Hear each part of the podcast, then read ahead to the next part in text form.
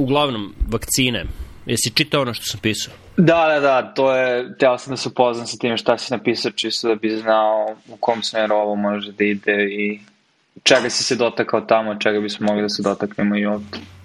Pa mislim da bih ponovio uh, ovde ono što sam napisao tamo, jer možemo, kad sledeće nedelje će, nadam se, doći i Isidora, pa ćemo sa njom da pričamo o molekularnoj biologiji i o načinu upravljanja vakcina i o tome kako koja funkcioniše, ali mislim da je to, uh, nažalost, ne toliko bitno, jer postoje zemlje koje mogu sebi da priušte, kao što sam napisao u onom postu, uh, mogu sebi da priušte da, da čekaju i da vide koja vakcina ima kakva neželjena dejstva, kakav je profil, koja je najefikasnija, koju mogu najpovoljnije da dobiju, uh, ali većina zemalja nisu te zemlje. Znači, to može da radi Novi Zeland, to može da radi Kina, može da radi većina zemalja jugoistočne Azije, čak i neke afričke zemlje, ali to ne mogu da rade zemlje Evrope, ne mogu da rade zemlje Severne i Južne Amerike, jer e, njima, nama, nažalost, gori pod nogama i onda kada gledaš odnos rizika i benefita,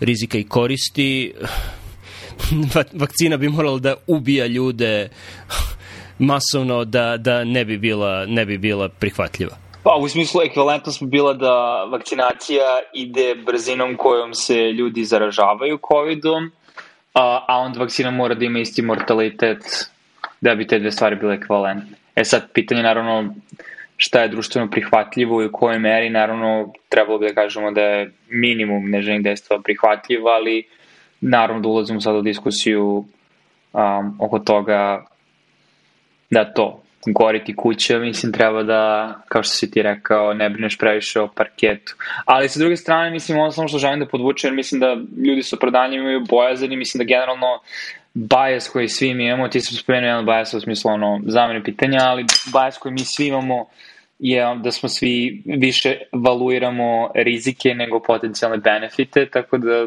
mislim da treba samo podvući da barem a, dve vakcine sada u fazi 3 koje su RNK bazirane imaju signale a, bezbednosti u dovoljnoj meri da je FDA um, odobrio ubrzano kako bi to nazvao hitno odobrenje ili kako već um, da. No.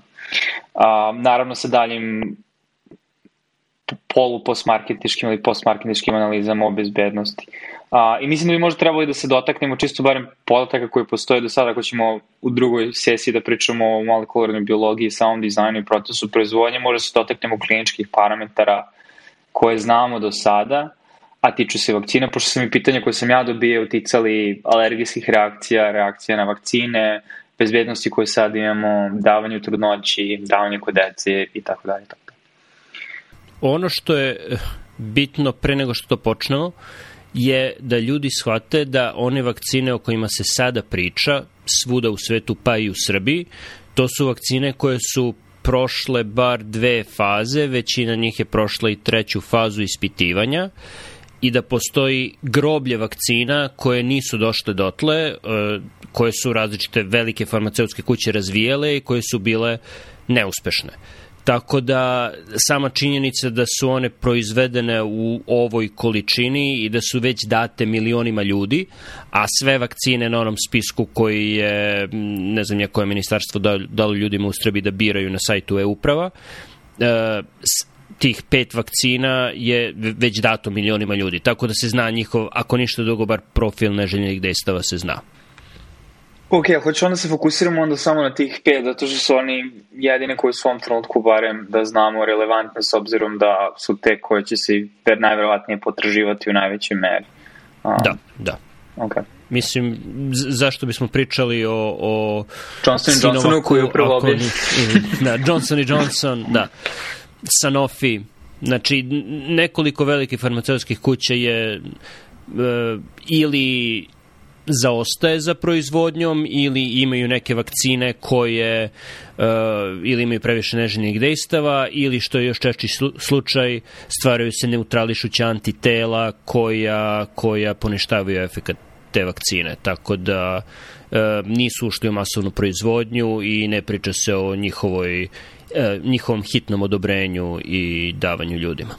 Ok, Um, jel hoćeš onda ovo da strukturiraš tako da pričamo o generalnoj bezbednosti i signalima i generalnoj efikasnosti signalima ili hoćeš još jednu po jednu?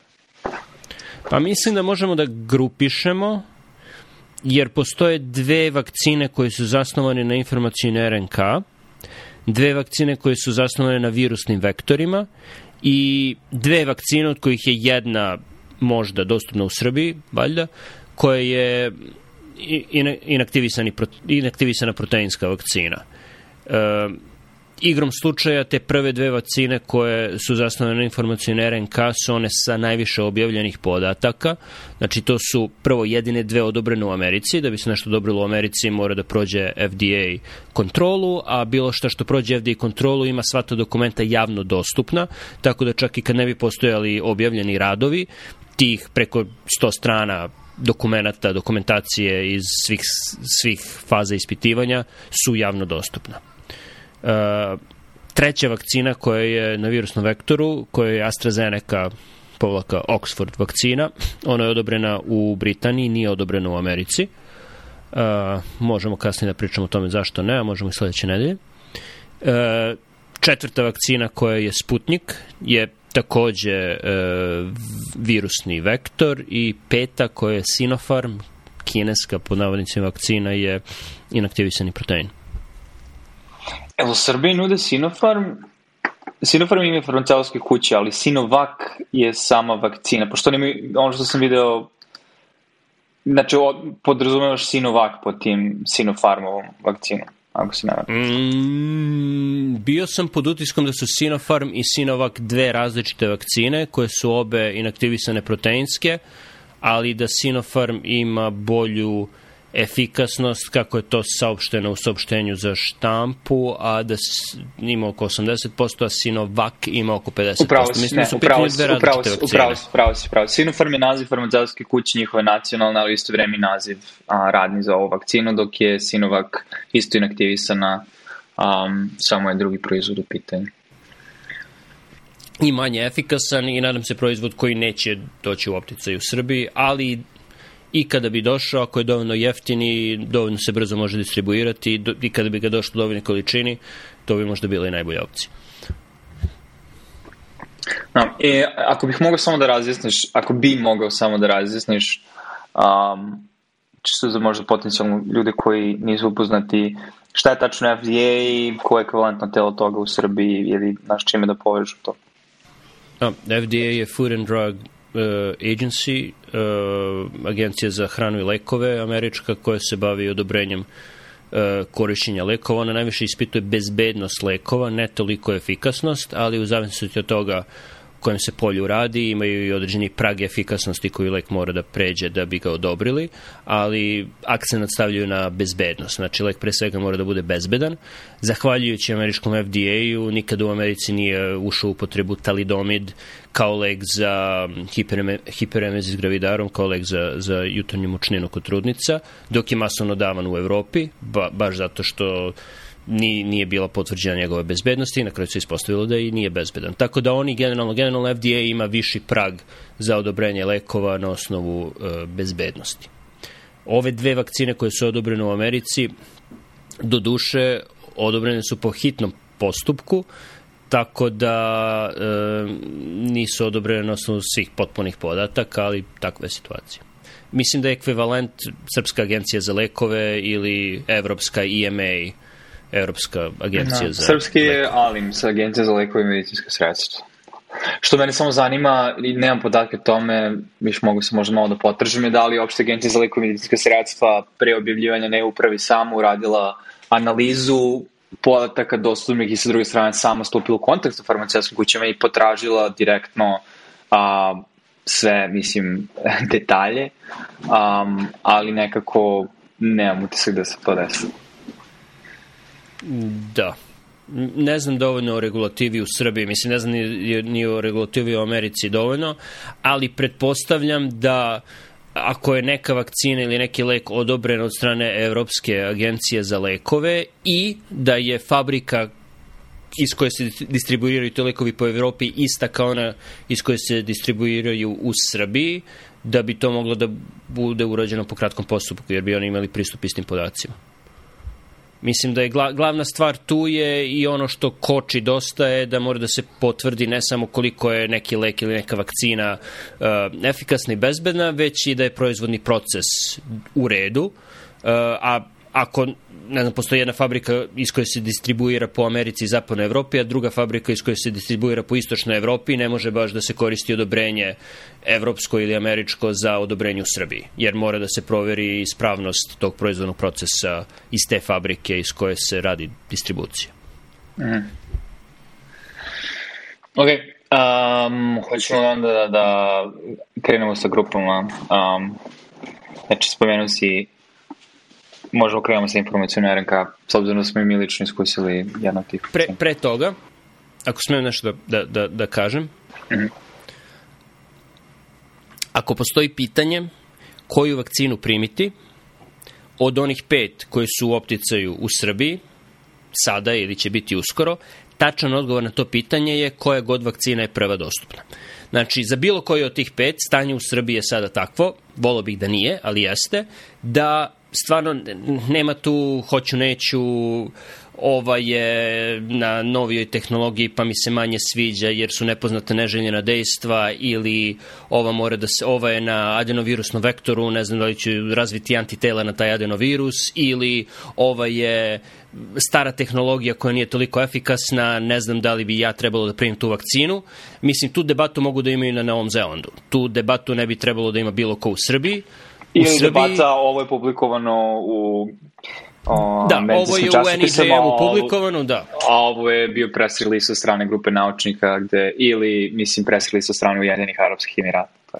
Da, da, znači, to bilo, bilo bi lepo da, da ljudi u Srbiji i ljudi u Americi imaju tu privilegiju da, da mogu o tome da razmišljaju, kao što mogu novozelanđani i kao što mogu kinezi, ali, nažalost, situacija je takva da ne mogu i mislim to su prazne priče i traženje glupih izgovora za neprimanje vakcine. E, kada vam gori kuća, opet ne razmišljate o tome da će vam voda uništiti parket. Mislim, to je tako. Nažalost, ali je tako. Ok, rekao sam taj deo koji sam hteo, sad, sad možemo o grupama vakcina. Znači, prve su one zasnovane na informacijnoj RNK, koja je zapakovana u lipozomalne čestice i koja se daje ljudima u nadi da će njihove ćelije, uglavnom dendritske ćelije, proizvoditi taj protein koji je enkodiran u toj informacijnoj RNK i saviti ga, iseckati i prezentovati na optimalan način da izazove optimalni odgovor imunog sistema. Ok. Mislim što će, ali sad pričat ćemo možda detaljnije o tim mehanizmima, neću pričati dalje. Sledeće da, nedelje, to, da. da. I... Znači, to su, to su Pfizer, povlaka BioNTech i Moderna vakcina. Obe su američke firme, jedna je američka povlaka nemačka, druga je čisto američka. E, obe su jedine vakcine koje su odobrene u Americi. Obojica smo primili Moderninu vakcinu, prvu dozu. Mm -hmm. e, znamo ljudi koji su primili Pfizer, prvu dozu i ovde i u Srbiji. I to je, čini mi se, vakcina sa kojom za sada te dve vakcine su one za koje postoje najviše objavljenih podataka. Da, znači obe su, mislim, imale rezultate svoje faze 3 intervjene publikovane u New England Journal of Medicine u decembru i obe su prošle kroz hitno odobrenje strane FDA takođe u decembru a, i obe su pokazale signal vrlo visoke efikasnosti, gotovo ekvivalentno smislu 95% u poređenju sa placebom. Um, a št, i obe su pokazale si, signale adekvatne bezbednosti. Um, mislim da generalno pitanje koje sam ja dobio do sada i koje bi možda bilo dobro adresirati je ono što se tiče alergija. Um, naravno, Uh, sve su ovo studije koje su i dalje u toku, svi ovi pacijenti se dalje prate. Um, trenutno nisu zabeležene um, veća učestvost um, ozbiljnih autoimunih neželjenih dejstva, uključujući populacije pacijenata sa autoimunim bolestima koji su bili uključeni u ove studije. Um, takođe, incidenca Julien-Barea sindroma autoimunog, uh, autoimune neuropatije uh, nijedan slučaj nije zabeležen do sada. Um, pareza faciali se jeste zabeležena u obe studije, ali je a incidenca toga jednaka incidenciju opšte populacije, tako da je FDA smatrao to a, nije, da, da to, to nije rezultat administriranja samih vakcina. A, tako da s te strane to su signali bezbednosti. Trudnice nisu bile uključene u ovu studiju, tako da barem ono što CDC savjetuje da je pogotovo ako su trudnice koji su istvorene zdravstveni radnici da je u pitanju barem ovde se preporučuje individualna diskusija sa a, pacijentom, a obe ove vakcine su, znači mislim da je Pfizer indikovana za starije od 16 godina, to što je bila populacija koja je bila objavljena, a Moderna za starije od 18. Tako da su obe ili adolescentske i adultne ili isključivo adultne populacije, to je što odrasli. Tako da nijedno od ovih nije za sada nemamo rezultate o vakcinaciji dece. I, I mislim da je to slučaj sa decom i slučaj sa trudnicama je primer gde se taj e, rizik-benefit odnos menja, tako da ako se dovoljno ljudi vakciniš, nema toliko trudnica na svetu, nažalost, uh, ili na sreću, zavisi sa koje ste strane te debate, ali ne, ne, nema ih toliko, tako da ako se dovoljno ljudi koji nisu trudni vakciniše i koji nisu deca, oni će štititi ostale, tako da, da nema potrebe uopšte imati tu debatu. Mislim da je jedna stvar koja se može spomenuti, a tiče se donaka distribucije samih vakcina, koja mislim da, barem ovih a, baziranih na RNK, a donekle opravdano izaziva zabrinutost kod ljudi koji razmišljaju o tome da li um, da izaberu jednu od tih, s obzirom da se očigledno u Srbiji bira, a, je sam, samo održavanje hladnog lanca, gde obi zahtevaju niske temperature od minus 80 stepeni. Glavni razlog tome je zato što informacijan RNK kao molekul je vrlo sklon degradaciji na sobnoj temperaturi, te samim tim i neophodno držati ga smrznog do samog trenutka administracije. A, modernina je tu malo fleksibilna zato što se može držati na minus 20 stepeni u određenom periodu, ali u samom procesu distribucije obe se distribuiraju na vrlo niskim temperaturama, te stoga zahtevaju vrlo rigorozan a, i vrlo odgovoran lanac a, za koji ljudi donekle sumnjaju da može biti ostvaren u Srbiji? Pa, e, slažem se i ne. Mislim, ako prvo vakcinišemo zdravstvene radnike, ako je negde moguće održati zdra... hladni lanac, moguće je održati u bolnicama. Tako da, jer tamo i onako postoje medicinska sredstva koja se moraju držati u, u dubokom zamrzivaču, tako da znamo da tamo postoje uslovi. Ne u domu zdravlja, ali u bolnici da. Tako da sa te strane, ako prvo vakcinišemo zdravstvene radnike, a prve dostupne vakcine su nam one sa informacijnom RNK, to je u redu. Kada kasnije pričamo o masovnoj imunizaciji i davanju vakcina po selima, ruralnim sredinama, onda da, onda je veći problem održati hladni lanac, ali čak i tada uz dobro planiranje, ako znate tačno da u nekom selu ima 30 ljudi koje treba vakcinisati, i vi izvadite ujutru iz zamrzivača jednu ili dve boce, koliko je potrebno za vakcinaciju toj količine ljudi, mislim da je petoro po bočici, tako da šest izvadite i sigurni ste da ćete svih šest iskoristiti tog dana, to je onda opet ok. Jer one mogu da stoje na, u, u frižideru, ne znam, par sati do upotrebe. Ne mogu se ponovno zamr, ponovo zamrznuti, što je problem, ali a, ako si siguran da, da, da možeš da upotrebiš sve te boce tog dana, to je onda okej. Okay. Da. I mislim još jedna stvar, a koja se tiče donekle samog um, proizvoda, barem on je baziran na informacijne RNK s obzirom da nosač informacijne RNK je baziran na polietilen glikolu, um, molekulu koji se takođe koristi u drugim medicinskim sredstvima koje se između ostalog administriraju intramuskularno intravenski. Um, barem trenutno u studije nisu uključeni ljudi koji su imali alergijske reakcije na ove komponente, tako da je vakcinacija, ovim vakcina kontraindikovana kod ljudi koji imaju alergiju na ove komponente, um, što mislim da je verovatno vrlo mali broj ljudi u Srbiji, a i mislim da ti ljudi koji su imali tu vrstu reakcije znaju, s obzirom da su vrlo specifične vrste lekova, um, ali jeste jedan od vrlo konkretnih um, vodiča. I druga stvar, naravno, ako se javi bilo kakva anafilaksa posle prve doze vakcine, a, u smislu bilo kakva ozbiljnija alergijska reakcija, to je isto direktna kontraindikacija, apsolutna kontraindikacija za administraciju druge doze vakcine. Da, ali to opet važi za bilo koju vakcinu, ne samo za RNK vakcine. Znači, sve vakcine imaju dodatne sastojke na koje neko može biti alergičan i ako imate reakciju posle prve doze, naravno ne treba uzimati drugu dozu. Ako imate alergijsku reakciju, anafilaktičku reakciju. Uh, standardne reakcije postoje, naročito mislim možemo da pričamo nas dvojice o tome šta smo mi imali, ali mali bol na mestu injekcije da i umor i niska, odnosno blago povišena temperatura sledeće dva dana to je generalno to. Da, i nemaju svi ljudi to, znači trećina do polovine ljudi može iskusiti bilo kojih tih simptoma i ono što znamo je da uglavnom i druga doza ta koja ima veće verovatnoće da izazove te vrste reakcije, znači ne alergijskih, nego očekivanih u vidu reakcija imunog sistema, temperatura, bolovi uz globovima, glavobolja, trešenje i tako dalje. I ono što znamo, ja znam na ličnom primjeru, vakcina vas neće zaštititi sledećeg dana, ni dva dana, ni tri dana nakon, nakon e, dobijanja, dve nedelje nakon druge doze, se, tad, tad se dobije pun imunitet. Znači, malo nakon druge doze je već ok imunitet, ali dve nedelje nakon druge doze, to, to je to.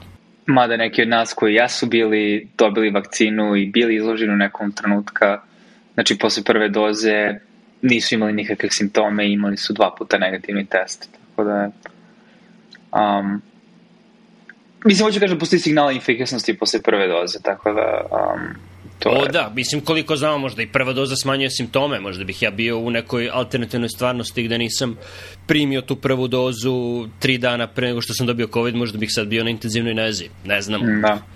Ok, to je informacija RNK. Druge dve vakcine, to su ruska Sputnik ili Sputnik 5 uh, vakcina i AstraZenekina i Oxfordska vakcina. One su zasnovane na virusnim vektorima.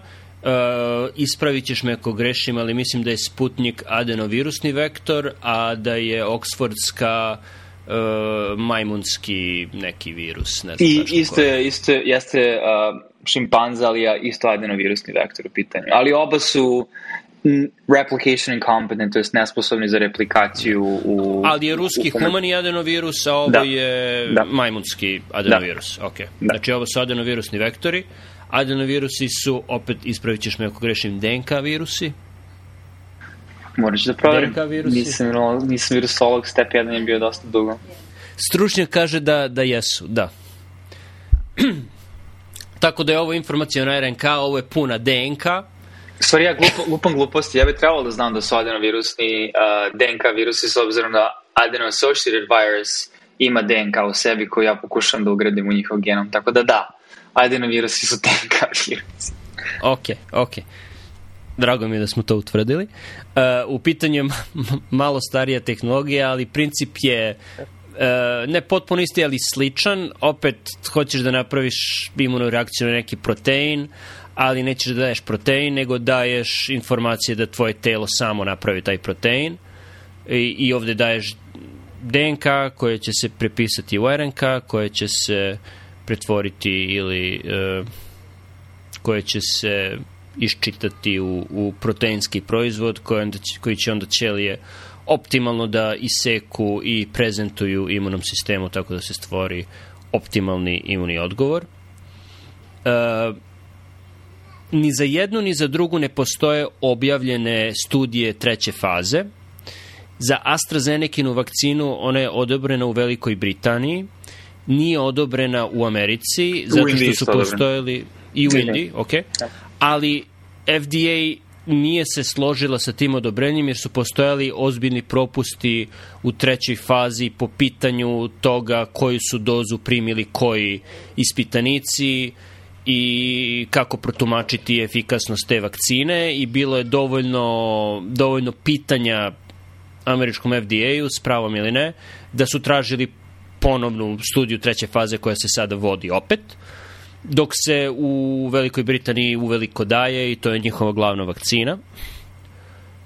E, problem nije toliko bezbednost, mada jeste bila pauzirana studija par nedelja u Americi zbog čini mi se, jednog pacijenta koji je dobio belovu paralizu ili tako nešto. Uh, a, dakle, nije problem bezbednostni, već je problem to što zbog problema sa doziranjem ne može se napraviti ispravan zaključak po pitanju efikasnosti vakcine, tako da idu brojke od 60 do 80% efikasnosti. Da, i, i mislim blaga digresija koja možda samo možda zalazi previše u nepotrebne detalje u, domenu namene celo ove diskusije za čistu edukaciju, ali ono što ja se zanimljivo bilo je da, bare meni što stvarno zvuči čudno je da a, su slučaj, slučajno, po znacima navoda, mislim, to je ono što znamo, a, da su ljudi dobijali nižu dozu koji nije trebalo dobiti nižu dozu vakcine i paradoksalno su oni imali dokumentovanu veću efikasnost za razliku od ljudi koji su dobili punu dozu vakcine. Um, tako da samo to po sebi izaziva da određenu dozu sumnje u smislu um, same organizacije čitave studije, što je verovatno bilo dovoljno FDA-u da, da ne dovede to da ne dovede do ubrzanog odobrenja, barem za sada. Da. E, naročito zato što čini mi se da AstraZeneca nije bila deo operacije Warp Speed, tako da Amerikanci nisu imali unapred kupljene doze te vakcine. A možda jesu, možemo da proverim. Um, I mislim, ako hoćeš samo da se dotakneš jedne stvari koja mislim da jeste bitna, zato što se tiče opet bojazni koje sam čuo sa više strana, tiče se a, samog dizajna vakcina o kojem ćemo pričati više detalja, ali o tome da su informacijne RNK vakcine genska terapija koja potencijalno može da izazove izmjene na genomu domaćina, ali u isto vreme dosta ljudi ima duboko poverenje u Sputnik vakcinu, iz ovoga što smo sada rekli koje ima više potencijala. koje ima više potencijala sa da se DNK, DNK koju ti unosiš DNK je mnogo stabilniji od uh, informacijone RNK u samoj ćeliji uh, DNK je neophodna mašinerija nukleusa, to je samog jedra ćelije da eksprimira proteine koji su neophodni tome, tako da samo želim da podvučem jednu paralelu gde ako je to glavna bojazan kod ljudi koji razmišljaju da treba izabrati Moderninu ili Pfizerovu vakcinu, onda definitivno bi trebalo tu da uključi Sputnikovu vakcinu koja potencijalno možda ima i veće ramifikacije. Ne kažem da one ne postoje, mislim da su vrlo malo verovatne, s obzirom na osnovu onoga što sada znamo. Naravno, mislim, možemo da uđemo u neku ezoteričnu debatu o endogenim, retro, uh, endogenim uh, retrovirusima koji potencijalno mere vezan transkriptazu koja može u tom trenutku se nađe da ti zazove integraciju potencijalno te RNK, ali opet ti kad dobiješ virus i virusnu infekciju, niko ti ne garantuje da se to neće desiti sa samim virusom, ovo je samo jedan deo genoma virusa. Ne želim da ulazimo to, samo pravim malu digresiju, ali hoću da kažem da ako neko ima bojazan da primi a, Pfizer ili Modernu iz razloga potencijalnih poznacima navoda efekta na genom domaćina, Sputnik vakcina bi trebalo definitivno da uđe u tu debatu. To je tačno. E, neko, mislim da smo o, i ti i ja opasni dovoljno, jer znamo dovoljno E, molekularne biologije da možemo da e, iskatastrofiziramo scenarije zašto bi bilo koja vakcina bila jako opasna i možemo da pričamo o tome, ok, ovo je adenovirus koji će se možda integrisati u genom i ne znamo koje je mesto integracije i da li će se integrisati pored nekog protoonkogena i napraviti onkogen i napraviti vam leukemiju ili rak ili... Mislim, jedno su debate uh, uz pivo ispred dragstora i šta sve može loše da se desi, a drugo su podaci iz studija prve, druge i treće faze kod vakcina koje su već date milionima ljudi i podaci o bezbednosti koji iz toga slede. A jedna sasvim treća stvar je uh, da i taj minimalni teorijski rizik je ništa uh, nasuprot veoma stvarnom i mnogo većem riziku od kolapsa zdravstvenog sistema i ekonomije kao posledica pandemije COVID-19? Što prvu stvar se ljudi u Srbiji već doživljavaju, a drugu stvar će vrlo verovatno doživeti u narednih godinu do dve dana. To jest ove godine ili sledeće.